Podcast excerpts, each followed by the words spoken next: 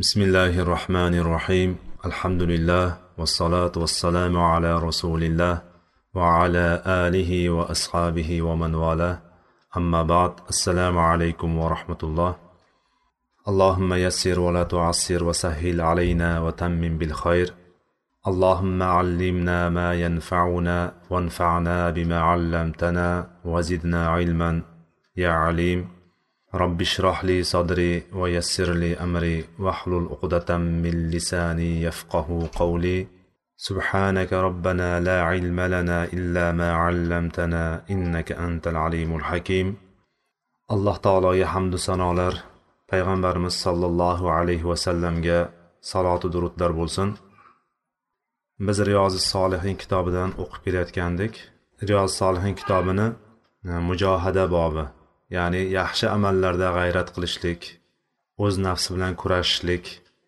bobida davom etayotgandik shu bobning o'ninchi hadisiga kelib to'xtagan ekanmiz kitobimizni bir yuz beshinchi hadisi an anasin roziyallohu anhu عن رسول الله صلى الله عليه وسلم قال يتبع الميت ثلاثة أهله وماله وعمله فيرجع اثنان ويبقى واحد يرجع أهله وماله ويبقى عمله متفق عليه bu hadisni bizga anas ibn molik roziyallohu anhu rivoyat qilib beryaptilar payg'ambarimiz sollallohu alayhi vasallamni xizmatchilari bo'lgan anas ibn molik biz o'tgan darslarimizda mujohada bobiga taalluqli bo'lgan bir qancha hadislarni o'qib keldik shu kungacha bu hadislardan ba'zilarida mujohada qilishlikka inson yaxshi amallarni qilib qolishlikka harakat qilishligi g'ayrat ko'rsatishligiga taalluqli bo'lgan ba'zi bir hadislarni o'qidik. Undan keyin bizga o'rnak bo'lsin deb turib o'tgan darsimizda imom navoiy rahimaulloh payg'ambar sollallohu alayhi vasallamning holatlarini uylaridagi va kechqurungi ibodatlari haqida biz o'tgan safar suhbatlashgan bo'ldik. Bugun inshaalloh inson nima uchun mujohada qilishligi kerak? Nima uchun inson g'ayrat qilishligi kerak? Solih amallarga harakat qilishligi kerak? O'shalarga taalluqli bo'lgan ba'zi bir hadislar bilan inshaalloh tanishib chiqamiz. Mana bu hadisda anas ibn molik roziyallohu anhu rivoyat qilib beryaptilar bizga. Rasululloh sollallohu alayhi vasallam shunday dedilar. Inson o'larkan unga uchta narsa ergashadi. Ya'ni mayyitga uchta narsa ergashadi. Birinchisi ahli oilasi bola chaqasi. Ikkinchisi uning mol dunyosi. Uchinchisi uning amali. Va ikkitasi orqaga qaytadi. Bittasi u bilan birga qoladi. Shu ikkita qaytuvchi narsadan birinchisi ahli oilasiyu bola chaqasi. Qavmi qarindoshi. Ikkinchisi uning mol dunyosi orqaga qaytadi. Va bitta qoladigan narsa un bilan qoladigani amaligina qoladi deb turib payg'ambarimiz sollallohu alayhi vasallam marhamat qildilar. Bu hadis muttafaqun alayh bo'lgan. Sahihlik jihatidan eng yuqori o'rinda turadigan hadis. Ya'ni imom buxoriy va muslim rahimahumallohlar rivoyat qilgan hadis. Bu hadisdan ko'rinadiki inson har qancha boy bo'lmasin har qancha sog'lom bo'lmasin har qancha tanishi ko'p yoki har qancha mansabdor bo'lmasin yoki buni tom aksi bo'lgan inson har qancha kambag'al bo'lmasin yoki kuchsiz bo'lmasin zaif bo'lmasin hech qanday tanishi bo'lmagan hech kim bo'lmasin albatta u bir kun kelib turib albatta o'ladi. Bu dunyoning qonuni alloh taoloni yer yuziga o'rnatgan qonuni mana shu. Hamma o'ladi hech kim boqiy qolmaydi. Kullu man alayha fan va yabqa vajhu robbika zul jalali val ikrom ya'ni alayha dan murod yer.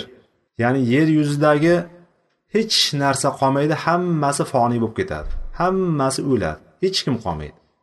Yer yuzidagi tirik jon bor ekan hech qaysisi tirik qolmaydi abadiy qolmaydi. Mana hozirgi kunda agar bunday qarasak yuz yoshga yetibdi yoki yuz yoshdan oshibdi deydigan bo'lsa bizga g'ayrioddiy eshitiladi bu narsa. Ajablanarli eshitiladi. E, yuzga yetibdimi? E, hali ham yashayaptimikan? Qanday ekan degan narsa bizni aqlimizga birinchi keladigan narsa. Ya'ni bizni ongimizga bizni aqlimizga shunaqa o'rnashib ketdiki insonlar o'rtacha shu oltmishdan yetmish sakson nari borsa shu yoshlar orasida albatta o'lishligi kelgan kerak degan narsa tabiiy holatga aylangan. Tabiiy holatga aylangan haqiqatda. Endi yuzdan oshib ketibdi. Hozirgi kunda masalan yuz ellikka yetdi degan narsani hech qayerda eshitganimiz yo'q. Yaqin kelajakda oxirgi yillarda yo bo'lmasam e, oxirgi besh yuz yil ichida palonchi bir yuz ellik yil yashabdi degan biron bir narsani bilmaymiz eshitmaganmiz. Hamma o'ladi hammani boradigan joyi qabr. Agar o'sha qabr nasib qilgan bo'lsa eng boy badavlat bo'lgani ham ertaga ustiga shu bittagina kafanga agar o'sha kafanga yalchisa kafan topilsa o'shanga o'sha payt o'sha kafanigagina o'raladigan bir necha metr bo'lgan uch metr yoki besh metr oq surubga u ham bo'lsa. Eng qimmatbaho materiallarga emas o'sha oq surubga o'ralib turib qabrga qo'yiladi. Boradigan joyimiz hammamizniki shu. Bundan ortiq narsa yo'q. Mana bu kunga biz tafakkur qilishligimiz kerak. Hadisda ham shunga targ'ib qilinyapti. Hadisda aytilyaptiki insonni o'larkan o'lgandan keyin o'sha o'likka uchta narsa ergashadi. Ergashadiganlarni bittasi haqiqiy ma'noda biz ko'ra oladigan darajada ergashadi. Ya'ni hammamiz o'lgandan keyin yaqinlarimiz bo'ladigan bo'lsa uni yuvib kafanlab janozasini o'qib qabristonga olib boramiz. Biz u bilan birga kelyapmiz. Lekin mol dunyosi u bilan kelyaptimi biz ko'ramizmi mol dunyosi agar e, mashinasi bordir uyi bordir puli bordir seyfda yoki boshqa narsalari bordir unga qo'shilib orqasidan ergashib kelayotgan birontamiz ko'rganmizmi? Yo'q. Ya'ni bu yerda aytilayotgan narsa ma'naviy jihatdan. Ya'ni uni qoldirayotgan narsalarini umumiy tarzda payg'ambarimiz sallallohu alayhi vasallam bitta zikr qilyaptilar. Qarindosh urug'lari ahli oilasi unga ergashib boradi. Qabrga borib turib qabrga qo'yadi uni. Qabrga qo'yganda biz amalini aytyapti. Uchinchisi ergashib boradigan narsa amali dedilar payg'ambar sallallohu alayhi vasallam. Bu ham ma'naviy biz ko'ra olmaymiz u narsani. Amal qanday bo'ladi? Amal shakllanadimi yo'qmi? Amal qanaqa bo'ladi degan narsani biz bilmaymiz lekin biz hadislardan bilamizki insonni amali o'zi bilan birga bo'ladi. Qabrga qo'yilgandan keyin qabrda o'sha agar yaxshi amallar qilib o'tgan bo'lsa mo'min bo'lib o'tgan bo'lsa bir chiroyli kishi suratida shakllanadi. Sen kimsan? deb so'rasa boyagi buncha chiroyli bir xushbichim odamsan. Kimsan? deb so'rasa men sening amalingman deydi. Yoki agar u kofir bo'lib o'tgan bo'lsa mushrik bo'lib o'tgan bo'lsa munofiq bo'lib betavfiq bo'lib o'tgan bo'lsa uni qarshisida bir inson ko'rsa jirkanadigan inson uni yomonligidan omon so'raydigan darajadagi bo'lgan bir badxulq yoki badbashara bir inson ko'rinadi qabrda bo'layotgan narsa bu. Bu hadis bilan kelgan. O'shani ko'rganda boyangga qarab turib sen kimsan buncha undaqa ahvolda kimsan? deganda men sening amalingman deydi u ham. Ya'ni qolayotgan narsa qabrda qolayotgan narsa u bilan mana shu amaligina qolyapti biz shuning uchun ko'rolmaganimiz uchun buni ma'naviy deb turib aytyapmiz. Ma'naviy dunyo. Biz uni qanday moddiy dunyomizda amal yonida chiqib turib birga ketayotganligini ko'rmaymiz. Agar buni ko'rganimizda edi insonlarni iymon keltirmagani qolmagan bo'lardi. Hamma iymon keltirib yuborgan bo'lardi. Endi o'sha qabrga kirgandan keyin inson o'zini boyliklarini o'zini olib keta olmaydi. Buni ko'ryapmiz boyligini o'ziga o'zini olib keta olmas ekan. Birinchi ahlidan boshlaylik. Eng yaxshi ko'rgan odamlari. Onasi bo'lishligi mumkin otasi bo'lishligi mumkin farzandi bo'lishligi mumkin yoki eng oilasi bo'lishligi mumkin eri bo'lishligi mumkin xotini bo'lishligi mumkin. Xullas eng yaqin odami eng yaqin odami o'lgandan keyin shunday o'lgan zahoti unga begonaga aylanib boshlaydi. Hatto u bilan bitta xonada o'tirishga qo'rqadigan darajaga tushib qoladi.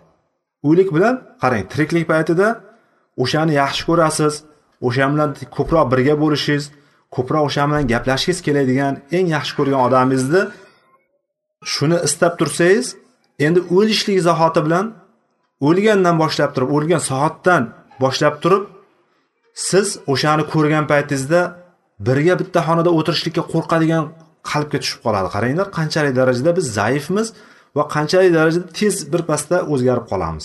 Tirik bilan o'likni o'rtasida mana shunaqa katta farq bor. Bitta xonada o'tirishgagina inson hadiksirab turadi ichidan bir qandaydir g'ulg'ula kelib turadi qandaydir. Endi hali qabrga qo'yib turing. Endi qabrga borgandan keyin qabristonga borganda inson o'zi boshqacha holatga tushib qoladi. Har qanday inson. Qabristonga borganda inson boshqa holatga tushib qoladi. Bu dunyodan boshqa holatga. Agar o'sha yerda shuning uchun ham qabrlarni boshida ziyorat qilishlikka qaytarilgan bo'lsa keyinchalik ziyorat qilinglar chunki u oxiratni eslatadi deganlar payg'ambar sallallohu alayhi vasallam.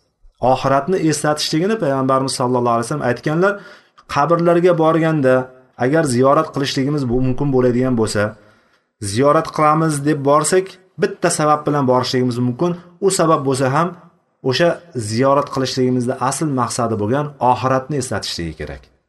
Lekin bugungi qabristonlarga boradigan bo'lsa oxiratni emas dunyoni bozorlarini eslatadi. Katta katta marmar toshlar qimmatbaho bir narsalar qo'yib tashlagan. Hatto ba'zilarida haykallarni qo'yib chiqishgan. Ko'rsangiz xuddi tirik odamni ko'rganday bo'lib turib bir seskanib tushasiz sakrab tushasiz. Yana bittasiga bir badbaxtga qo'yib qo'yibdi ustiga kostyum shimlarni kiydirib qo'liga sigaret ushlatib qo'yibdi bir joyda o'zbekistondagi toshkentdagi qabristonlarda bo'layotgan gapni gapiryapman inson hayratga ushlaydigan hayratdan hayratlanib nima deyishini bilolmay qoladigan bir holat bu. Endi boyagi qabristonga olib keldi. Qabristonga olib kelgandan keyin o'sha eng yaxshi ko'rgani degani qabrga chiqib kirib birga yotmasin u bilan. Birga yotishini qo'yib turaylik birga hayotda yotolmaydi. Hali bir tushib turib qabrga oborgin deydigan bo'lsa qabrga tushishlikka qo'rqadiganlari qancha bor? Qabrga qo'yayotgan o'likni olib turib qabrga qo'yishlik bor. Qabrga qo'yishlikka ham chidamaydi ko'pchilik o'sha yerda. Lekin mayli qabrga yotmasinda o'shani tepasida o'tirib hech bo'lmasam bir ikki kun birga yotsin o'sha yerda. Qabrini quchoqlab yotsin men chetdaman qo'rqmagin yoningda turaman deb yotsin hech kim qilmaydi bu narsani. Endi mol davlatini olaylik. Mol davlat ham unga ergashadi deyilyapti hadisda. Hadisda ergashiladi degani ma'naviy jihatdan ergashilyapti lekin u joyida turibdi. Uyda turibdi puli bo'ladigan bo'lsa ham uyi bo'ladigan bo'lsa ham moshinasi bo'ladigan bo'lsa ham. Buni qaranglar mol dunyosi hammasi o'sha qabrga qo'yilgan soatdan boshlab yoki qabrga qo'yilmasdan ham boshlab janjal boshlanadi o'rtada. O'shani bo'lib olishlik tezroq bir narsaga ega bo'lib olishlik o'sha o'lmasdan turib kasal bo'lgandan boshlab turib agar qarroq kishi bo'ladigan bo'lsa kasal bo'lgan kundan boshlab turib janjal boshlanadi o'rtada. Bunisi meniki unisi meniki degan. Meros ilmi degan narsa merosni shariatga muvofiq tarzda bo'lishlik degan narsa bizni diyorlarimizdan ko'tarilib yo'q bo'lib ketgan ya'ni hech narsa qolmagan biz diyorlarimizda. Agar olloh rahm qilib turib olloh ularga tavfiq berib turib dinni o'rganib qolgan va o'shanga ko'ra hukm qilgan ba'zi bir qo'l bilan sanasak qo'limizni barmoqlari ortib qoladigan darajadagi oilalarda shu narsa qolmagan bo'lsa bo'lmasam butunlay adolatsizlik hukm surmoqda. Hamma tomon adolatsizlik. Meros aslida bo'lingandan keyin o'shani eng haqlador haqdorlari bor o'shani. Farz jihatdan oluvchilari bor. Ana undan keyin o'zini farzandlari asosan farzandlari o'shalardan bahramand bo'lishligi kerak. Yosh farzandlari balog'atga yetmagan bo'lsa ular yetim sanaladi. Yetimni molini yeyishlik harom hisoblanadi. Bu narsalarni umuman tasavvurga ham sig'dira olmaydi. Mana bu narsalarni merosda bo'linishligi kerak. Meros teng taqsim qilinishligi kerak. Kichkina o'g'liga qoladi yo bo'lmasam eng yaxshi ko'rgan bolasiga bunisi qoladi degan vasiyatlar hech qaysi biri o'tmaydi aslida. Biz mana bu narsalarni bilmaganligimiz dinni bilmasligimizdan kelib chiqadigan narsalar. Xullas shar'iy jihatdan oladigan bo'lsak shariat doirasida fikr oladigan hukm oladigan bo'lsak o'lgandan keyin qabrga qo'yildimi uni moli taqsim qilinadi. Mol dunyosi meros taqsimotga kiradi. Xotiniga tegadi onasiga tegadi otasiga tegadi bola chaqalariga tegadi bola chaqasi bo'lmaydigan bo'lsa qanaqa hukm bo'ladi yoki xotini to'rtta bo'ladigan bo'lsa xotinlarga qanaqa ulush tegadi hammasi birma bir birma bir hammasi kelgan shariatimizda. Nuqta verguligacha kelgan. Hech narsa qolib ketmagan. Hattoinki ona qornidagi homila uchun ham merosdan ulush ajratiladi. O'sha homila erkak bo'ladimi qiz bo'ladimi gumoni bo'lib qoladigan bo'lsa o'sha hali aniq emas.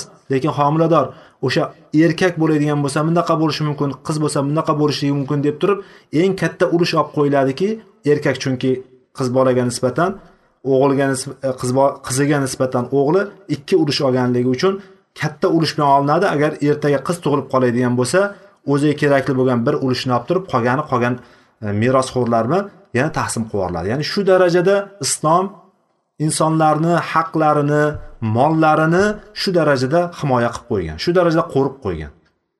Islomdek adolatli narsani adolatli dinni hech qaysi bir dinda hech qaysi bir falsafada yoki hech qaysi bir boshqa jamiyatlarda hech topmaysiz. Lekin insonlar shunchalik ko'zi ko'rki mana shu ochiq oydin bo'lgan hamma narsasi oydin bo'lgan ravshan bo'lgan ko'rib ko'rsa inson shunday eng omi kishi ham shunday qaraydigan bo'lsa adolatini ko'ra oladigan dindan yuz o'girib yurgani qancha? Mol dunyosini ham qarang shuncha mol yig'adi inson. Butun hayotdan shu bolalarim yaxshi yashasin birinchi o'zini o'ylaydi u.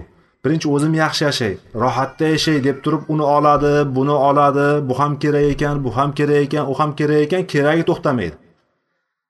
Keragi to'xtamaydi to'playdi to'playdi to'playdi. Yoki kiyimlarni ustiga kiyim olib kiyadi kiyadi kiyadi hamma narsa bo'laveradi lekin uni hech bir foydasi tegmaydi. Ertaga qachon o'lishligini bilmaydi. Qachon o'lishligini biladigan odam shunaqa qiladimi? Ertaga bittasi o'ladi deydigan bo'lsa u kiyim kiyishni o'ylaydimi? Yoki har bir to'yga borganda yoki har bir marosimga boradigan bo'lsa yangi kiyim olishlik qayerdan chiqqan bu qonun? Kimni qonuni bu? Har bir borsa yana uni ustidan bittasi oddiy kiyimini uydagi yaxshi kiyimini hali eskirib ketmagan u yaxshi kiyim lekin ikkinchi to'yga yoki ikkinchi bir marosimga yana ayni o'sha narsani kiyib boradigan bo'lsa yonida turgan bittasini uni ayblashligi nima degan gap bu? Bu xotinlarga tegishli bo'layotgan gap bu ayollarga tegishli bo'layotgan gap bu. Har bir narsada yangi kiyish kerak degan narsa qayerdan chiqqan qonun? Bo'lib bo'lib ham musulmonlikni davo qilayotgan musulmonlikni davosidan ham nariyog'i ibodatni ilmni davo qilib turganlar men ham bilaman nima deyapsan? Deydiganlarni ahvoli bu bo'ladigan bo'lsa buyoqdagi dindan uzoq bo'lganlar yoki dinni hali tushunmayotganlar dinni bilmasdan yurganlar sizlarga qarab ayollarga qarab muslima ayollarni ahvoli shu shu ekan sufe demaydimi? Mana bu narsalarga qarab turib nimaga bu hadis nimaga targ'ib qilyapti? Bizni bu narsalar bilan ovora bo'lib turib butun o'y hayolimizda hammasini shu olib qo'yishligi kerak emas. O'tgan haftagi darsimizda ham insonlarga suyukli qilib ko'rsatilganlarda oltin kumushlaru o'shalar hammasini bir chekkadan sanab chiqqanimizda boshlarida keladi oltin kumushlar ham. Oltin kumush boyliklar insonni haqiqatda ko'zini quvontiradigan narsalar inson xohlaydigan nafsi juda istaydigan narsalaru lekin bizga bu narsa talab qilinmayapti. Ertaga shuncha to'playmiz. Butun umrimizni vaqtlarimizni kechib kechalari uyqudan qolib kunduzlari eshakdek ishlaymiz qo'pol qilib aytadigan bo'lsak. Shu ishlaymiz to'playmiz to'playmiz to'playmiz ertaga tap etib jonimiz olingan paytda shuncha to'plaganimiz kimga qolyapti? Merosxo'rlarga qolyapti. Agar o'sha ham shar'iy jihatdan bo'linadigan bo'lsa. Bo'lmasam kim qayoqlardagi qalang'ir qasang'irlar kelib yeb ketyapti? Nima bilan? Ha buni yettisini qilish kerak ekan buni chorshanbisini qilish kerak ekan bunga xudoyi qilishligi kerak ekan bunga qirq qilishligi kerak ekan qirqqa qishloqdan shuncha odam chaqirish kerak ekan yoki mahalladan shuncha odam chaqirishligi kerak ekan. Endi hayiti keldi birinchi hayit o'tdi ikkinchi hayiti keldi endi yili keldi degan narsalar bilan bor mol mulkini ham sovurib yeb ketayotgan qornlariga o't yeb ketayotganlar do'zax o'tini yeb ketayotgan qancha qalang'ir qasang'irlar bor. Qoldirib ketayotgan mol mulk mana shunday bo'lyapti. Inson shuncha qiynalib jon jahdi bilan vaqtlarini sog'lig'ini ayamay hamma narsadan kechib mana shu narsalarni qilyaptiyu lekin orqada qolayotgan narsa nima bo'lyapti? Hammasi taqsimlanib yo'qolib ketyapti. Keyin insondan to'g'ri farzandlarini och nahor qoldirishligi oilasini och nahor qoldirishligi bu yaxshi narsa emas deymizu lekin insonda insonga o'shalarni olib turib ertaga ularni ma'siyatga allohga gunoh bo'ladigan ishlarga sarflashidan ko'ra ularga hech narsa qoldirmagan yaxshi emasmi? Ertaga mol dunyoni siz bolalaringizga farzandlaringizga ahli oilangizga qoldirib ketasiz ularni to'g'ri yo'lda ishlatishiga kim kafolat bera oladi? Ya'ni siz bermasdan hasislik qilib turib baxillik qilib turib u narsani o'zingizda to'playsiz lekin farzandlaringiz undan foydalanishligi ham mumkin u taraf ham bor. Siz o'sha narsani yig'dingiz yig'dingiz yig'dingiz baxillik qilib hech kimga bermadingiz xasislik qilib turib qo'shniga ham bermadingiz yaqin og'aynizga ham bermadingiz ota onangizga ham qarashmadingiz hammasini yig'dingiz yig'dingiz ketdingiz. Qo'lingizda katta boylik qoldi sizni qo'lingizda qolmayapti uyingizda qolyapti. Siz qabrga ketyapsiz. Qabrga ketganingizdan keyin bolalaringiz uni Alloh yo'lida sarflayapti. Siz shuncha qiynalib sarflamasdan yiqqan pulingizni bolalaringiz foydalanishligi ham mumkin. Bu tarafi ham bor. Ya'ni demoqchi bo'lganim hadisdagi mol ergashib mol ham orqaga qaytadi bola chaqasi ham orqaga qaytadini tushuntiryapmiz. Demak bu ikkalasidan ham bizga nima foydasi tegmaydi ekan? Mol dunyomizdan ham nimamizdan ham bola chaqamizdan ham foyda tegmaydi ekan. Ahli oilamizdan qarindosh urug'imizdan ham foyda tegmaydi ekan. O'sha yerda qaytib ketadiganlar jumlasiga kiradi ekan. Un bilan birga qoladigani hadisimizga ko'ra bitta narsa qoladi. Shu uchta narsadan bittasi qoladi u ham bo'lsa amali qoladi. Shuning uchun bu bobda imom navaviy rahimaulloh mana shu bobga bu hadisni keltirdi. Bu hadis yana takror keladi boshqa boblarda ham keladi hali. Boshqa kitobimizda boshqa o'rinda ham keladi. Mana bu bobga qo'yganligini sababi biz amallarimizga harakat qilib qolishligimiz kerak. Amallarimizni ko'paytirib qolishlikka yaxshi amallarni ko'paytirib qolishlikka g'ayrat qilishligimiz kerak jiddiy jahd qilishligimiz kerak o'zimizni nafsimiz bilan kurashishimiz kerak ekanligi dalolat bo'ladi.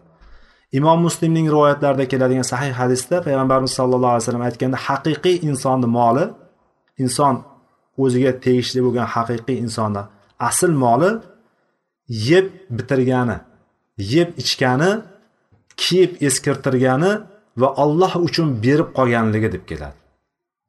Ko'ryapsizlarmi bizni asli molimiz nima ekan? Bizga tegishli bo'lgan asl molimiz bizga foydasi bo'lgani yeb ichganimiz bizniki. Kiyib eskirtirganimiz bizniki. Olib qo'yib shkaflarni to'ldirib hali bir yilda ham bir aylanib kelmaydigan yoki bo'lmasam bir marta ham umrimizda kiymaydigan kiyimlarni olib qalashtirib tashlashligimiz emas bizni kiyib eskirtirganimiz bizniki. Va Alloh uchun shu hayotdaligimizda berib qolganligimiz o'sha to'planib turgan Alloh uchun berganimiz bizniki hisoblanadi. Qabr hadisda keladigan qabr jannat bog'chalaridan jannat bog'chalaridan bir bog' yoki jahannam chuqurlaridan bir chuqur degan hadisga ko'ra amal qilishligimiz kerak. O'sha kunga qarab turib biz harakat qilib qolishligimiz kerak. O'sha kunni deb turib biz amallarimizni ko'paytirishligimiz kerak. Amallarni hech birini kichkina sanamasligimiz kerak. Amallarni har birini harakat qilib qolishligimiz kerakki chunki mana undan keyingi hadisda aytilyaptiki ibn masud roziyallohu anhudan keyingi hadisda payg'ambar sollallohu alayhi vasallam aytdilarki al jannatu aqrabu ila ahadikum min shiroki na'lihi va naru mislu zalik ravohil buxoriy ibn masud roziyallohu anhudan aytilyapti bu bobimizni 11 hadisi. Buxoriy rahimaulloh o'zini sahihlarida chiqargan sahih hadis. Payg'ambarimiz sallallohu alayhi vasallam aytdilarki jannat sizlardan bittalaringizga oyoq kiyimini bog'idan ham yaqinroqdir. Do'zax ham mislu dalik do'zax ham xuddi shunday dedilar. Ya'ni bizga jannat shu oyog'imizni ostida burnimizni tagida. Jannat burnimizni tagida. Ya'ni bu yerdagi arablarda shiroki nalihi degani oyoq kiyimini ya'ni yanada to'g'riroq tarjima qiladigan bo'lsak bu yerda kalish nal kalish. Arablarni kalishi agar e, internetlarga yozib turib e, nalu sharif yo bo'lmasam e, nalu sharif desa chiqib keladi. Payg'ambar sallallohu alayhi vasallamni e, shu oyoq kiyimlari deb yozadigan bo'lsa aynan payg'ambar sallallohu alayhi vasallamniki bo'lmasligi mumkin. Lekin o'shani shakli qo'yilgan. Ya'ni tagi tagligi bor tagligi deganimiz padoshi bor va ustidan ikkita tasma chiqqan. Barmoqlar kirib turadigan ikkita tasma va o'sha ikkita tasma inson oyoqni ustidan o'tgan va o'sha ularni ikkita tasmani bog'lar bir birini ushlab turadi. Xuddi bizni kiyadiganimiz biz basanoshka deb bilganimizga o'xshab ketadi. Basanoshka degan narsamizga o'xshab ketadi. Ya'ni ochiq. Yozli kunda kiyadigan bitta oyoqni ikkita oyoqni barmog'ini orasiga kirgizib kiyadigan tasmasini kirgizib kiyadigan slanslarga o'xshab ketadi go'yoki. O'sha bog'i uzilib ketadigan bo'lsa u oyoqda turmay qoladi. Bizni kalishlarimiz bog'i yo'q. Biz uni tushunmasligimiz mumkin. Shuning uchun buni oyoq kiyimdi deb tarjima qilyapmiz nalni aslida nal arablarda o'sha paytdagi hadisda aytilgan nal hozir aytganimiz nal. Ya'ni basanoshkaga o'xshagan yoki slansiga o'xshagan tasmali bo'lgan oyoqni barmog'ini orasiga kirib turadigan o'sha ipi uzilib ketishligi haqida gap ketyapti. O'sha ipi uzilib ketadigan bo'lsa biz bunida kengroq ma'noda olamizki o'sha e, oyoq kiyimni bironta ipi uzilib ketsa oyoq kiyim turmay qoladigan darajadagi oyoq kiyim bo'lsa o'sha haqida gap ketyapti. O'sha uzilib o'shanchalik yaqin degani bu kinoya arablarda ko'proq ishlatiladigani bir narsani juda yaqin ekanligini ifodalashlik uchun ishlatiladigan kalima bu. Ya'ni bu degani jannat oyog'ingni ostida. Do'zax ham oyog'ingni ostida. Bilmasdan turib shunday qadam tashlagan payting jannatga kirib qolishligi mumkin yoki bilmasdan turib shunday qadam tashlagan payting nauzubillah do'zaxga kirib qolishligi mumkin degan gap bu. Ya'ni bundan har doim amallarni yaxshisiga harakat qilib qolishlikka harakat qilaverishlik kerak ekanki chunki biz qaysi amalni qilayotganligimizni bilmaymiz. Qaysi amalni ustida ya'ni qaysi amalni ustida jonimiz olishligini bilmaymiz. Shuning uchun ulamolar masjidga kirishlikda o'ng oyoq bilan kiriladi. Chiqishda chap oyoq bilan chiqilinadi. Hojatxonaga kirayotgan paytda chap oyoq bilan kiriladi. O'ng oyoq bilan chiqilinadi degan masalalarni chiqarishgan. Bu masalalarni shu o'ng oyoq bilan boshla, o'ng taraf bilan boshlashlikni afzalligini e'tiboridan bu narsa aytilgan. O'ng tarafdan boshlashlikni e'tibori o'sha narsani fazilati bo'lganligi jihatidan o'ng tarafdan boshlaganlar payg'ambar sallallohu alayhi vasallam deb turib o'ng oyoq bilan kirishlikni aytishgan. Va olimlar shu narsani tekshirib ko'rishgan. Bu tibbiyot olimlari tekshirib ko'rishgan mana shunga o'xshagan narsalarni nima ekan bu deb turib o'sha narsalarni ilmiy jihatdan o'rganib chiqqan paytda inson o'ng oyoq bilan o'ng oyoqni bosgan paytda g'oliban agar o'sha paytda yiqiladigan hushdan ketib yiqiladigan holat bo'ladigan bo'lsa old tarafga yiqilar ekanmish. Oldi taraqqiy qilar ekan ya'ni inson ana masjidga kirayotgan paytda o'ng oyoq bilan bosadigan bo'lsa agar o'sha payt yiqilsa old tarafga ya'ni xuddi masjidga qarab yiqilgan bo'ladi. Masjiddan tashqarida qolib ketmaydi.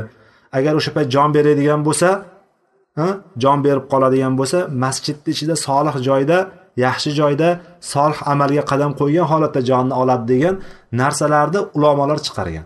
Chap oyoq bo'ladigan bo'lsa orqaga ketar ekan chap oyoq bilan qadam tashlayotgan payt inson yiqilsa orqaga qarab yiqilar ekan. Shuning uchun masjiddan chiqayotgan paytda ham chap oyoq bilan chiqib ketayotganda agar yiqilib qolsa o'sha payt yana masjidni ichida qolib ketishligi e'tibori bor. Hojatxonaga kiradigan bo'lsa buni butunlay teskarisi. Chap oyoq bilan kiriladi chap oyoq bilan kirilayotganda yiqilayotgan bo'lsa hojatxonani ichiga yiqilmaydi orqaga qarab yiqilar ekan. Chiqib ketayotgan paytda o'ng oyoq bilan yiqiladiki o'ng oyoq bilan chiqadiki yiqilib qolsa oldi tarafga yiqilinadi. Ya'ni o'shanda ham hojatxona ichida qolib ketmaydi tashqariga tushadi. Shu narsani aytishadi ekan. Bu masala jihatdan ya'ni inson o'layotganda qaysi tarafda qachon o'lishligini bilmaydimikan inson yaxshi amallarga ko'proq harakat qilib qolishlikka bu yerda tashviq bor. Mana bu o'rinda qiziqtirishlik bor o'sha o'ringa. Targ'ib bor bu o'rinda amallarni doim yurgan paytda inson tahorat bilan yurishlikka harakat qilishligi. Yaxshi amallarni niyat qilib ko'chaga chiqishligi uydan chiqayotgan paytda uydan chiqayotgandagi zikrlarni aytib chiqishligi kirayotgan paytda zikrlarni aytib kirishligi va ko'chada sal bekor bo'lib qoladigan bo'lsa tasbeh aytishligi tahlil aytishligi takbir aytishligi havqala aytishligi mana bu narsalarni har bittasini e'tibor berishlikka kerak e'tibor berishlik kerak ekanligini bizga aytayotgan bizga o'rgatayotgan narsadir bu hadis. Bu hadisdan ko'ramizki jannat va do'zax bizga shunchalik yaqin turadi. Shuncha yaqin turishini bilgan odam og'zidan chiqayotgan gapga e'tibor beradi. Og'zidan chiqayotgan gap birodarini zaharlayaptimi? Birodarim bir joyini tilib o'tib ketyaptimi?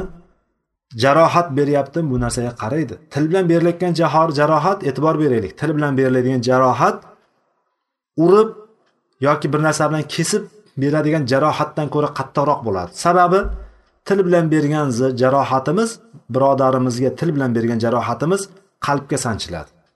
Qalbni jarohatlaydi. Qalbni jarohati boshqa joylarning jarohatiga qaraganda qattiqroq bo'ladi. Shuning uchun bilib bilmay birodarlarimizga har xil hazil qilaman deb turib hazilni ko'taradigani bor ko'tarmaydigani bor. Hazillashyapman deb turib hammaga bir xil bir xil hazillashishlik ham to'g'ri emas bu narsa. Yoki hazillashmagan taqdirda ham haqiqiy niyatimiz bor o'shani bir jirkib qo'yaylik o'shani bir ranjitib qo'y yo bo'lmasam bir joyga tegib qo'y mana shu mana shu joyda xato qildi deb turib o'zimiz o'sha narsa bilan qiladigan bo'lsak bu jarohatimiz qalbiga tegadi. Mana bu narsalardan biz ehtiyot bo'lishligimiz kerakki chunki jahannam ham oyog'imizni ostida jannat ham oyog'imizni ostida. Ya'ni biz o'sha jarohatni berganimizda o'sha paytdan keyin undan roziligini olmasdan turib o'lib qoladigan bo'lsak alloh taolo jonimizni oladigan bo'lsa ertaga qayta tirilgan paytimizda hisob kitob qilinganda eng katta amallarimizni o'pirib ketadigani o'tinday yeb yuboraydigani o'tinda olov qanday esa xuddi shunaqa yeb yuboraydigani suvda shakarni suvga solsangiz qanday eritib ketganday amallarni eritib yuboraydigani bu zulm hisoblanadi. Zulmni turi ko'p. Payg'ambar sallallohu alayhi vasallam bir kuni sahobalarga muflis kim? deb aytdilar. Muflis kim? dedilar. Sahobalar muflisni lug'aviy ma'noda bilardilar ular nima ekanligini. Muflis dedilar hech narsasi yo'q odam bo'lsa kerak deyishdi. Hech bir vaqosi yo'q bo'lgan odam bo'lsa kerak deyishdi. Ya'ni kambag'al nochor hech narsaga ega bo'lmagan odam bo'lsa kerak dedi. Yo'q dedilar. Haqiqiy muflis kimligini aytaymi dedilar. Haqiqiy muflis qiyomat kuni amsalil jibal tog' misoli tog' tog' misoli hasanotlar bilan keladi. Yaxshi amallar bo'lgan savoblari bo'lgan tog' tog' tasavvur qilyapmiz tog'ni biz bir narsaga arablarda e, bir misol keltiradigan bo'lsa katta narsani ta'riflamoqchi bo'ladigan bo'lsa odamlarni ongi o'sha narsani yaxshiroq qabul qilsin degan maqsadda bir narsaga o'xshatib eslatishlik bor. Tushuntirishlik bor tog' eslatilgan. Tog' misoli tog'lar misoli jibal tog'lar degan. Jabal tog' bo'lsa jibal tog'lar degan. Tog'lar misoli hasanotlar bilan keladi. Boyagi hasanotlarini ko'rib turadi boyagi odam. Birpasdan keyin unisi keladi unisini urgan bunisi keladi bunisini so'kkan bunisi kelgan unisini obro'sini to'kkan. Xullas zulm qilgan. Unisi kelib turib uni hasanotidan oladi. Bunisi kelib unisi hasanotidan oladi. Narigisi kelib turib uni hasanotidan oladi. Ya'ni qilgan ishiga yarasha boyagi hasanotlaridan olib olib ketaveradi. Borib borib shunchalik darajada holatga tushadiki tog' misoli bo'lib turgan hasanotlardan hech bir narsa qolmaydi. Tog'dek katta narsalar sovurilib ketadi. Yotib yeganga tog' ham chidamaydi degandek u yerda shunaqa ko'p zulm qilib tashlaganki bilmasdan turib bir birodaringizni obro'sini to'kishlik zulm bir birodaringizni g'iybat qilishligingiz zulm bir birodaringizni qalbini jarohatlashligingiz zulm mana bu zulmlar yo bo'lmasam bittasini urishligingiz zulm molini tortib olishligingiz zulm. Boyagilari so'kkani kelib molini olib ketyapti molini tortib olgani kelib turib molni hasanatini olib ketyapti. So'kkani zulm qilganlik hammasi olib ketib bo'lgandan keyin hech narsa qolmagandan keyin qolganlarga beradigan narsasi qolmaydi. Ertaga hisob kitob amallar bilan bo'ladi. Hisob kitob amallarimiz bilan bo'ladi. Yuqoridagi hadisimizda shuni aytdik. Amali bilan birga ketadi. Lekin o'sha amalimizni ham ertaga qiyomatda hisob kitob qilinadigan bo'lsa amal bilan hisob kitob qilinadi. Siz amalingiz hasanat bo'ladigan bo'lsa zulmingiz bo'ladigan bo'lsa zulm qilingan insonlar kelib turib hasanotingizdan oladi. Hech narsa qolmagandan keyin endi beradigan narsam qolmadiku nima bilan qarshilayman desa endi ularni gunohi sizni bo'yningizga yuklanadi alloh saqlasin bundan o'sha yuklanaverib yuklanaverib oxiri o'sha yuklar gunohlar uni do'zaxni qa'riga tortib ketib qoladi. Haqiqiy muflis mana shu deganlar payg'ambar sallallohu alayhi vasallam. Hasanoti boru lekin hech narsaga yaramaydi. Bir pulga qimmat degan bir pulga qimmat qilgan narsa mana shu dunyodagi hayoti uni. Mana shu dunyodagi qilgan ishlari uni. Biz agar jannatni ham qadamimizni ostida do'zaxni ham qadamimizni ostida deb biladigan bo'lsak biz yaxshi amaldan to'xtamaymiz. Gapirayotgan gapimiz qayerga borayotganiga qaraymiz. Qilayotgan ishimiz nima bo'layotganiga qaraymiz. Doim zikrda yurishlikka harakat qilamiz. Tasbeh deganimiz subhanalloh deb aytishligimiz yoki subhanallohi va bihamdihi deb yurishligimiz. Takbir deganimiz alloh akbar deb yurishligimiz. Tahlil deganimiz la ilaha illalloh deb yurishligimiz. Havqala deganimiz la havla va la quvvata illa billah deb yurishligimiz. Mana bu zikrlar biz tilimiz namlanib turishligi kerak zikr bilan. Zikrni haqiqiy ma'nosi Allohni eslab turishlik doim degani. Bu albatta tasbeh qo'lga tasbeh ko'tarib turib tasbeh o'girib yurishlik degani emas allohni doimiy eslab turishlik degani. Yana bir ma'nosi ba'zi olimlarimiz aytadiki unutmaslik deydi. Zikr aslida bunday qarasangiz eslab turishlik desa ba'zi olimlar aytishadiki shuni to'g'ri yanada to'g'ri tabiri shuki unutmaslik deydi. Ya'ni biz namoz o'qiymiz zikr qilamiz tasbeh o'giramiz e, yoki boshqa ibodatlarni qilamiz. O'sha payt allohni go'yoki eslayapmiz deb oladigan bo'lsak ollohni ya'ni odatiy holatlarimizda ham ollohni unutmasligimiz haqiqiy zikr deb aytishadi mana bu narsaga biz harakat qilib qolishligimiz kerak ekan mana bu hadisimiz bizni mana shu narsaga targ'ib qilyapti ekan undan keyin hadis عن أبي فراس ربيعة بن كعب الأسلمي خادم رسول الله صلى الله عليه وسلم ومن أهل السفة رضي الله عنه قال كنت أبيت مع رسول الله صلى الله عليه وسلم فآتيه بوضوئه وحاجته. فقال سلني. فقلت سألتك مرافقتك في الجنة. فقال أو غير ذلك؟ قلت أسألك مرافقتك في الجنة. فقال أو غير ذلك؟ قلت هو ذاك. قال فأعني على نفسك بكثرة السجود. رواه مسلم. Bu hadisni bizga ahli suffadan bo'lgan. Abu firos robia ibn kab roziyallohu anhu rivoyat qilib beryapti. Payg'ambarimiz sollallohu alayhi vasallamni xodimlaridan payg'ambarimiz sallallohu alayhi vasallamga safarda ham muqimlik muqimlikda ham xizmatini qilib yurgan sahobalardan bittasi. Robiya ibn kab. Bu kishi abu firos kunyasi bilan tanilgan sahoba va ahli suffadan bo'lgan. Ahli suffani biz bilamiz makkadan madinaga hijrat qilgan va boshpanasiz qolgan sahobalar. Ya'ni kambag'alligi faqirligi shu darajada bo'lganligidan hatto boshpanasi ham bo'lmagan uyi bo'lmagan oilasi bo'lmagan sahobalar. Ularni ishi payg'ambarimiz sollallohu alayhi vasallam shu masjidi nabaviyni atrofidan shu masjidni shu hovlisini bir chetidan ularga joy ajratilgandi. Bular ahli suffa deyilardi ahli suffa o'sha ahli suffalar ba'zan saksontagacha yetardi saksontaga qadar borardi ba'zan undan kamroq bo'lardi. Ya'ni bularga tirikchiligi qanday o'tardi? Bular tirikchiligi asosan sahobalarni ya'ni boshqa sahobalarni ularga beradigan sadoqatlaridan olib kelib beradigan ovqatlaridan o'shani hisobiga tirikchiligini ko'rardi va qolgan payt dinni o'rganishlikka payg'ambar sollallohu alayhi vasallamni yonida bo'lishlikka harakat qilishardi. Abu hurayra roziyallohu anhu ham payg'ambarimiz sollallohu alayhi vasallam davrlarida ahli suffadan bo'lgan. Keyinchalik e, u kishi e, payg'ambarimiz sallallohu alayhi vasallam vafotlaridan keyin biroz e, boyigan undan keyin uylanganlar xullas mana shunday holatlar bo'lgan. Bu robiya ibn kab ham roziyallohu anhu ham mana shu ahli suffadan bo'lgan va payg'ambarimiz sollallohu alayhi vasallam doim xizmatlarida bo'lgan sahobalardan bittasi.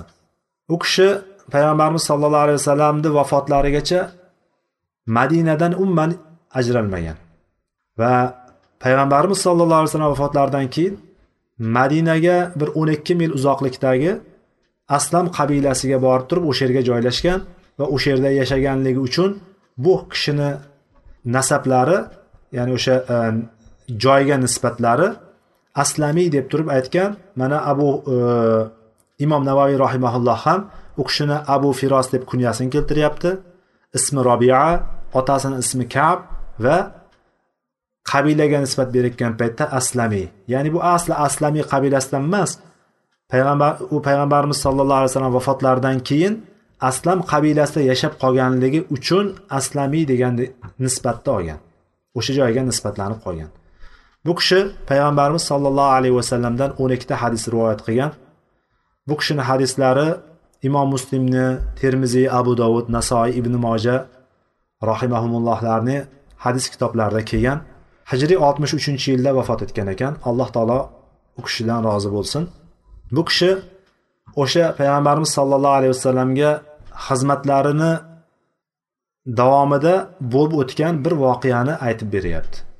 Payg'ambarimiz sallallohu alayhi vasallamga aytdiki payg'ambarimiz vafot etgunigacha qadar u kishiga xizmat qilgan. Safarda ham Э, yoki muqimlik hayotlarida ham muqimlik joyida ya'ni madinani o'zida turganlarida ham payg'ambarimizga xizmat qilib yurgan o'sha xizmatlari asnosida bo'lib o'tgan bir voqeani aytib beryapti. Aytadiki bir kuni payg'ambarimiz sollallohu alayhi vasallamni yonida tunadim tunni o'tkazdim. Payg'ambarimiz sollallohu alayhi vasallam bilan birga kechada qoldim bir kecha tunni o'tkazdim va payg'ambarimiz sollallohu alayhi vasallamga vodu suv idishi ya'ni tahorat uchun suv tahorat uchun suvlarni keltirardim va boshqa ehtiyojlari boshqa hojatlari bo'ladigan bo'lsa u kishiga qarashib turardim dedi. Va shunda payg'ambarimiz sollallohu alayhi vasallam so'ra so'raydigan narsangni dedilar. Nimani istaysan so'ra dedilar. Shunda u aytdiki asaluka murofaqataka fil janna. Jannatda siz bilan birga bo'lishni xohlayman. Siz bilan hamroh bo'lishni xohlayman dedi. Mana hozir dunyoda siz bilan birgaman sizni ko'rib turaman doimiy sizni xizmatingizdaman jannatda ham siz bilan birga bo'lishni xohlayman dedi. Payg'ambar sallallohu alayhi vasallam jannatdagi maqomlari eng yuqori joyda jannatda. Payg'ambarlar siddiqlar eng yuqori joyda payg'ambarlar eng yuqori joyda bo'ladi jannatda. Bu kishi payg'ambar sallallohu alayhi vasallam so'rayotgan narsasi men sizdan jannatdagi hamrohlikni so'rayman dedi. Jannatda siz bilan birga bo'lay u ham dedi. Payg'ambarimiz sollallohu alayhi vasallam balki bundan boshqa narsani so'rarsan? dedilar. Ava g'oyra dalik dedilar. Balki bundan boshqa narsani so'rarsan? dedilar. U aytdiki yo'q men siz bilan jannatda hamroh bo'lishni xohlayman dedi. Yana qaytarib shu narsani so'radi. Payg'ambarimiz sollallohu alayhi vasallam yana aynan shu javobni aytdilar. Undan boshqa narsani so'rarsan balki? dedilar. U bo'lsa qultu huvazak aytdimki yo'q men mana shu narsani so'rayman. Degandan keyin payg'ambar sallallohu alayhi vasallam aytdilarki fainni ala nafsika bikasratis sujud dedilar. Unday bo'lsa nafsingni o'nglashlikda ko'p sajda qilish bilan menga yordam qil dedilar. Ya'ni buning ma'nosi sen ko'proq namoz o'qi ko'proq sajdada bo'l ya'ni sendan namoz sendan harakat qilib ibodatda mustahkam bo'lishlik mendan duo bo'ladi. Ana o'shanda inshaalloh maqsadingga yetasan dedilar. Mana bu hadisda bu narsa haqiqatda sahobalarni holatini ko'radigan bo'lsak sahobalar har bir narsadan unumli foydalanishgan. Payg'ambar sollallohu alayhi vasallamdan kelgan bir boshqa hadisda man sanaa ilaykum ma'rufan fakafauhu degan rivoyat keladi. Imom ahmad ibn hibbon hokim abu davud va boshqalarni rivoyatlarida kelgan e, hasan hadisda sahih rivoyat ekan. E, ya'ni hasan hadisda payg'ambar sallallohu alayhi vasallam aytadilarki sizlardan kim sizlarga kimdir yordam beradigan bo'lsa ma'ruf bir yaxshilik qiladigan bo'lsa uni mukofotlantiringlar deydi. Fakafauhu uni mukofotini beringlar. Ya'ni yaxshilikka yaxshilikka yaxshilik bilan javob berishlik. Bir kishi yaxshilik qiladigan bo'lsa unga ham bir narsa yordam berib qo'yishlik yo bo'lmasam o'shani bir e, mukofotini berib qo'yishlik taqdirlab qo'yishlik bor ekanligini mana bu hadisdan olamizki payg'ambar sollallohu alayhi vasallam ham o'ziga xizmat qilib yurgan bu robia ibn kab roziyallohu anhuga xizmatini qilgan paytlarida payg'ambarimiz ham bundan bir e, so'ra so'raydigan narsang tila tilagingni dedilar. Nimani xohlaysan dedilar. Shunda u ham e, o'zi ahli suffadan boshpanasi yo'q ahli suffadan bo'lgandan keyin ahli oilasi yo'q. Uylanmagan hali. U ham so'rashligi mumkin edi yo rasululloh menga ham bir uy bo'lsa joyim bo'lsa hozirgi kunda biz aqlimizga keladigan narsa birinchi aqlimizga keladigan qani o'zimizni uyimiz bo'lsa? Turibmiz kvartirada. Bir joyimiz kam bo'lgani yo'q shundaymi? Hamma narsa yetarli kvartirada bo'lsam lekin qani edi o'zimni uyim bo'lsa? Bemalol rohat bo'lib turib yurardim xotirjam bo'lardim deymiz. Lekin sahobalar bilan bizni farqimizni bir yana bir tafakkur qiladigan joyi kelib qoldiki sahobalar so'raganda dunyo uchun emas oxirat uchun harakat qilingan. Hamma sahobalarni aksariyatiga qaraydigan bo'lsak hadislarimizga nazar soladigan bo'lsak ko'ramizki sahobalarni ularni peshqadam bo'lganligini ko'ramiz. Ular din amallariga peshqadam bo'lganligini ko'ramizki yo rasululloh men siz bilan jannatda hamroh bo'lay deb so'radi bu. O'shani so'rayman sizdan dedi. Ya'ni hamr payg'ambar sallallohu alayhi vasallamga hamroh bo'lishlikdek baxt har kimga ham nasib qilavermaydi. U qiyin masala. Haqiqatda qiyin masala chunki payg'ambarlar bilan siddiqlar bilan shahidlar bilan solihlar bilan birga bo'lishlik oson ish emas. Bu narsa uchun harakat qilishlik kerak. Inson o'zini nafsini qiynashlik kerak nafsi bilan kurashishlik kerak. Solih amallarda g'ayrat qilishlik kerak. Mana buni so'radiki unumli foydalandi. Mol dunyo so'ramadi xotin so'ramadi yoki tilla kumush so'ramadi uy joy so'ramadi ulov so'ramadi boshqa narsa so'ramadida so'ragan narsasi oxiratda kerak bo'ladigan haqiqiy uyimiz bo'lgan haqiqiy hovlimiz bo'lgan oxiratdan so'radi. Shunda payg'ambar sallallohu alayhi vasallam ham bu narsani qiyin ekanligi bu narsani oson bo'lavermasligini bilgan holatda bundan boshqa balki bundan boshqa narsani so'rarsan dedilar. Ya'ni boshqa narsa ham bordir balki so'raydiganing deb aytgan narsasi kelib chiqyapti bundan. O'sha narsani qiyin ekanligi kelib chiqyapti. Yoki bu narsadan boshqa ham narsa so'rarsan deganligini boshqa ma'nosida ham tushunishligimiz mumkin. Balki bir dunyonga ham biron bir narsa kerakdir degan ma'noni ham tushunishimiz mumkin.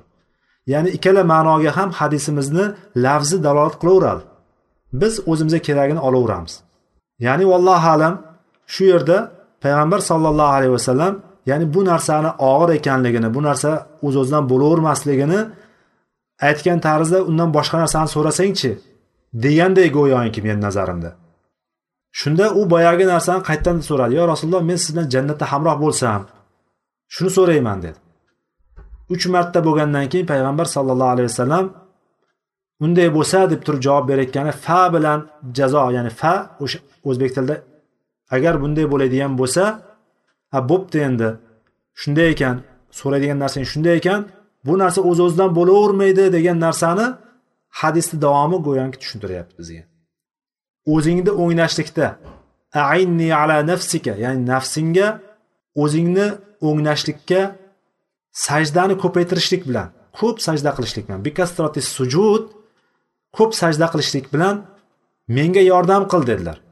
Ya'ni faqat meni duom bilan ish bitmaydi dedilar. Payg'ambar sallallohu alayhi vasallam men faqat duo qilib qo'yganligim bilan senga o'sha narsani so'raganligim bilan bir narsa bo'lib qolavermaydi deganligi payg'ambar sallallohu alayhi vasallamni biron bir kishini jannatga o'zini ixtiyori bilan olib kira olmasligiga dalil bo'ladi deydi olimlar. Boshqa bir hadisda payg'ambar sallallohu alayhi vasallam fotima onamiz roziyallohu anhoga qizlari qizlari bo'lgan va eng oxirgi qolgan qizlari payg'ambarimiz sallallohu alayhi vasallam hayotlarida tirik qolgan qizlarini qizlari ya'ni payg'ambarimiz sallallohu alayhi vasallamdan keyin hayotdan ko'z yumgan onamiz fotima onamiz hisoblanadi. Va payg'ambar sallallohu alayhi vasallam yurish turishda gapirishda eng o'xshagan sahoba sahobiya ayol qizlari fotima onamiz bo'ladilar. Payg'ambarimiz sallallohu alayhi vasallam juda yaxshi ko'rganlar bu qizlarni. Va shunday bo'lishiga qaramasdan ey fotima so'ra so'raydigan narsangni shu dunyoni o'zida so'ragin. Chunki men oxiratda senga biron bir narsani qilib bera olmayman. Qo'limdan hech narsa kelmaydi. Biron bir narsaga senga ziyoda qilib bera olmayman. deb payg'ambarimiz sallallohu alayhi vasallam marhamat qilganlar.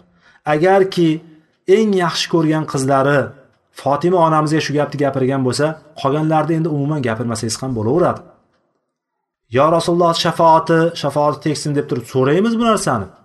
Shafoatni so'rashlik bor. Shafoat payg'ambarimiz sallallohu alayhi vasallamga shafoat bor lekin payg'ambar sallallohu alayhi vasallam shafoatlari har kimga ham tegavermasligini biz his qilishligimiz kerak. Oysha onamizga aytayotgan gaplariga e'tibor beringlar payg'ambar sallallohu alayhi vasallam. Yoki mana bu hadisdagi aytayotgan gapni o'zbekchalashtiradigan bo'lsak sendan ibodat ya'ni sendan sajdani ko'paytirishlik sendan ko'p namoz o'qishlik sendan duo mendan. Ana o'shanda bir natijaga erishamiz degandek go'yoki. Mana bu hadisda biz ko'radigan narsamiz asosiy oladigan foydamiz inson bir narsaga erishishligi uchun jannatda jannatul firdavsga kirishligi uchun yoki jannati naimga kirishligi uchun ko'zimiz ko'rib ko'rmagan qulog'imiz eshitmagan hayolimizga kelmagan ne'matlari bo'lgan hech qanday g'am anduh bo'lmagan qiyinchilik bo'lmagan mashaqqat bo'lmagan inson bir tashvishni ham xayoliga keltira olmaydigan tashvish dunyoda dunyoda bo'ladigan bir o'y ham bo'lmaydigan o'shanday katta katta ne'matlar berib tashlangan jannatga osonlikcha kirish mumkin emasligi mana bu hadis bizga da'vat qilyapti. Bu bilan biz o'zimiz bilan o'zimiz kurashishligimiz kerak. Nafsimizni biroz burnini yerga ishqashligimiz kerak. Qiyinchilik paytida biroz harakat qilishligimiz kerak. Ta'kidlab ta'kidlab kelyapmiz bu bobning asosiy maqsadi ham shu. Shuning uchun biz ham tinimsiz qayta qayta qayta aytyapmiz bu narsalarni. Maqsadimiz ham shuki bu narsa bizga yerlashsin bizni qalbimizga joylashsin va biz mana shu narsadan bir foyda olaylikda ertaga bu foyda bizga manfaat bersin. Bu eshitayotgan hadislarimiz eshitayotgan oyatlarimiz o'rganayotgan ibratlarimiz qulog'imizni bu yoqdan kirib u yoqdan chiqib ketib qolmasin. Bu narsaga biz qattiq harakat qilaylikki amallarni eng yaxshisi eng katta amallar hisoblangan namoz hisoblanadi. Namozni ichidagi ham eng yaxshi amal eng afzal amal sajda hisoblanadi. Inson sajdani ko'paytirar ekan bevosita o'z o'zidan rukuni ham ko'paytirgan bo'ladi. Rukuni ko'paytirgan odam qiyomini ham ko'paytirgan ya'ni namozda namoz o'qishlikni ham ko'paytirgan inson hisoblanadi. Bu bevosita sajdani boshga e, boshni sajdaga qo'yib olib turib duo qilib yotishlik degani emas bu. Bu namoz bilan bir butun bo'ladigan narsa. Qolgan payt sajda qilish mumkinmi? Sajda qilish mumkin. Lekin sajda degan paytda sajdani ko'paytir degandan bu yerdagi qasd payg'ambar sallallohu alayhi vasallamni allohu alam namozni ko'paytirishlik. Namozda eng uzun turishlik qaysi biri afzal degan ulamolarda fikri bor. Namozda qiyomda uzun qilishlik ya'ni uzun uzun qiroat qilib turib qiroatda inson ta'sirlanishligi o'qiyotgan narsani bilib turishligi qiyomni uzun bo'lishligi namozda afzal hisoblanadi. Qiyom uzun bo'ladigan bo'lsa qolganlari ham ruku ham sujud ham o'shanga yarasha uzun bo'lishligi kerak. Namozda hamma narsa mana shu rukunlar qiyom ruku sajda sajdani o'rtasida o'tirishlik oxiri tashahhud degan amallar bir biriga uzunlik jihatidan yaqin bo'lishligi kerak. Biz to'rttagina surani bilamiz xolos oxiridan bir to'rtta beshta sura bilamizda faqat o'shani o'qiymiz. O'qiyotgan namozlarimiz besh minutga ham bormaydi. Lekin qiyomda uzun turishlik uchun biroz qur'on o'qishligimiz kerak ekan. Qur'on yodlashimiz kerak ekan. To'g'rimi? Qur'on yodlashlikka harakat qilishligimiz kerak ekan. Bu yerda hammasini targ'ibini bir joyga qo'shib olib keladigan bo'lsak biz o'zimizni ustimizda ishlashligimiz kerak ekan. Uzun uzun suralarni o'qiydigan o'qib turib rohatlanadigan qalbni allohdan so'rashligimiz kerak ekan. Mana undan keyingi hadisda abu abdurahmon savban mavla rasulilloh sollallohu alayhi vasallam qol sami'tu rasululloh sollallohu alayhi vasallam yaqul alayka bikasrati sujud fa innaka lan tasjuda lillahi sajdatan illa rafa'aka Allohu biha darajatan hatta anka biha khati'atan roha muslim. Bu abu abdulloh yoki imom navaviy bu yerda ikkita kunyasini berib ketyapti. Abu abdurahmon savban mavla rasulilloh deyapti. Payg'ambarimiz sollallohu alayhi vasallam ozod qilgan savban roziyallohu anhu haqida gap ketyapti. Abu abdulloh ko'proq mashhur ekan. Abu abdulloh kunyasi bilan tanilgan ekan. Savban roziyallohu anhu yamanlik asli yamanlik sahobalardan biri. U kishi yamanni e, himyor yamanda himyor qabilasidan bo'lgan ekan.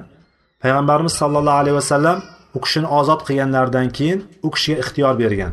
Yo u kishini mamlakatiga o'zini diyoriga e, yamanga ketishligiga yoki payg'ambar sallallohu alayhi vasallamni huzurida qolishlikka imkon bergan paytda u kishi madinada qolishlikni tanlagan va payg'ambarimiz sallallohu alayhi vasallamni yonlarida safardayu hozirda doim yonlarida yurib u kishiga yordam berib yurgan. Va payg'ambarimiz sallallohu alayhi vasallam ketganlaridan keyin ya'ni vafot etganlaridan keyin bu kishi shomga ketib shomga borib undan keyin misrni fathida ishtirok etgan va payg'ambarimiz sallallohu alayhi vasallamdan bir yuz yigirma sakkizta hadis rivoyat etgan ekan. Va humus degan joyda ellik to'rtinchi hijriy ellik to'rtinchi yilda vafot etgan ekan. Alloh taolo u kishidan rozi bo'lsin. Mana bu kishi bizga rivoyat qilib beryaptiki payg'ambar sallallohu alayhi vasallamdan shunday deganini eshitdim. O'zingga ya'ni alayka bikasrati sujud ko'p sajda qilishlikni o'zingga lozim tutgin. Ya'ni ko'p sajda qilishlikni o'zingga o'rgatib olgin. Shu narsaga o'zingni qiynagin.